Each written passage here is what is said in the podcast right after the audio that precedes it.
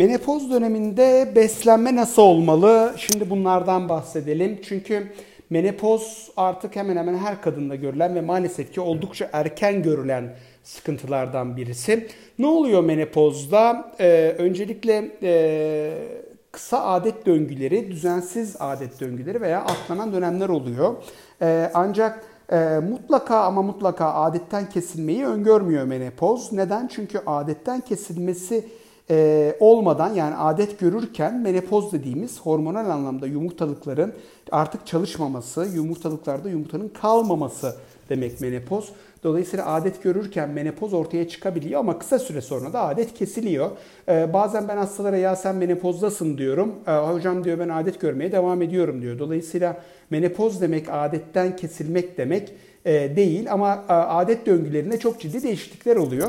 Ancak her adet döngüsü değişikliği de menopoz demek değil. Onu da hemen anlatalım. Yani bir kişi adetten kesildiği zaman bu menopoza yatkınlık olduğu anlamı taşımıyor. E, adetten e, adet düzensizliğinin 6 ay boyunca devam ediyor olması lazım. Ve yine adet düzensizliğinin onar günlük periyotlarla değişmesi lazım. Yani sizin adetiniz ayın 20'sinde oluyorsa beklediğiniz adet tarihinden 5 gün önce görmek bizim için çok anlamlı değil. En az 10 gün önce veya 10 gün sonra görmek bizim için anlamlı. Bunun da 6 ay boyunca devam ediyor olması anlamlı. İşte o zaman biz müdahalede bulunuyoruz. O zaman sizin de telaşlanmanız gerekiyor. Hemen bir ay veya iki ay adet düzensizliği yaşadığınızda ben menopoza mı giriyorum diye sakın düşünmeyin.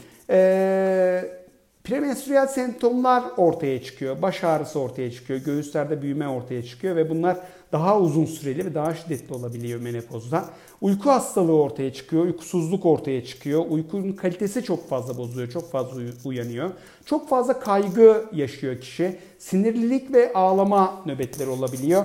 Yani ağlama nöbeti olmasa bile sinirlilik kesin oluyor. Benim bir hocam vardı. İki kadından korkacaksın derdi. Birisi menopozdaki kadın yani östrojeni çok düşük kadın. Birisi de östrojeni çok fazla kadından korkacaksın derdi. Dolayısıyla hakikaten çok kaygı oluyor, sinirlilik oluyor.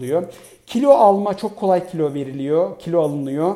E, kilo verme çok azalıyor, çok güç oluyor kilo vermek. E, cildi çok ciddi şekilde bozuluyor, çok hızlı yaşlanma ve kırışıklık ortaya çıkıyor. Cilt çok az, fazla yıpranıyor, tırnaklar çok hızlı kırılıyor. Saç kaybı ortaya çıkıyor, saçlarda kırılma, bakımsız ve e, kötü görünümlü saçlar ortaya çıkıyor. Sindirim bozuklukları oluyor, kabızlık olabiliyor, şişkinlik olabiliyor. Düşük libido yani cinsel istek çok ciddi şekilde e, azalıyor. E, eskisi gibi kişi hissetmiyor menopozda.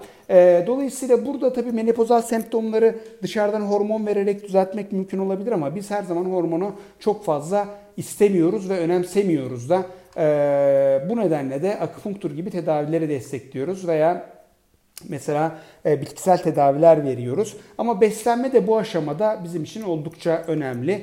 E, beslenmede birçok şeye dikkat etmemiz gerekiyor.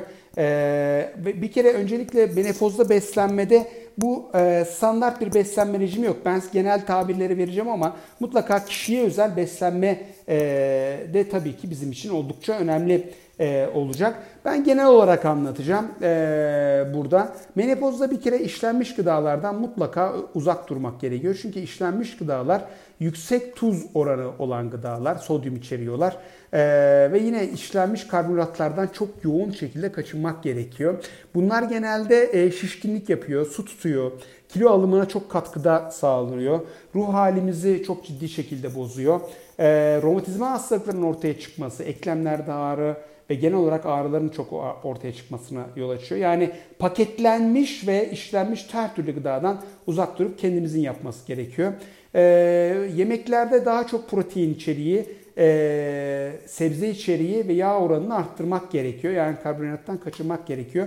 Ama bakın altını çiziyorum. Protein ve yağ oranı yüksek ve mutlaka da sebzelerden ki özellikle de koyu yeşil sebzelerden yüksek bir şey yapmak gerekiyor. Ee, organik yiyecekleri mümkün olduğunca kullanmak gerekiyor. Kuru yemiş ama bunlar çiğ olacak şekilde tüketmek gerekiyor. Burada kalın kuru kalın kabuklu kuru yemişleri tüketmek gerekiyor. Yani ceviz, badem, fındık gibi. Bunları da bir avuç oranında sadece tüketmeniz ve bir avucu geçmemek gerekiyor. E, rafine beyaz şekerlerden ve bunlarla yapılan her türlü gıdadan kaçınmak gerekiyor. Bunlar çünkü hormon düzensizliğine yol açıyor, iltihabı arttırıyor. E, böbrek üstü bezlerinden salınımı çok ciddi şekilde arttırıyor. E, alkol kullanımını mümkünse bitirmek, kafeini mümkünse azaltmak veya kullanıyorsanız da alkol ve kafeini haftada en fazla 1'e düşür, haftada 2'ye düşürmek. Kafeini de, kafeinli içecekleri de kahveyi de günde bir kez içmek ve orada bitirmek gerekiyor. Sigarayı mümkünse kesmek gerekiyor. Mümkün değilse mutlaka ozon tedavisiyle desteklemek gerekiyor. E, asidik gıdalardan da mümkün olduğunca kaçınmak gerekiyor ve günlük su tüketiminde en az 3 litreye çıkarmak gerekiyor. Bunlar genel gıdalar.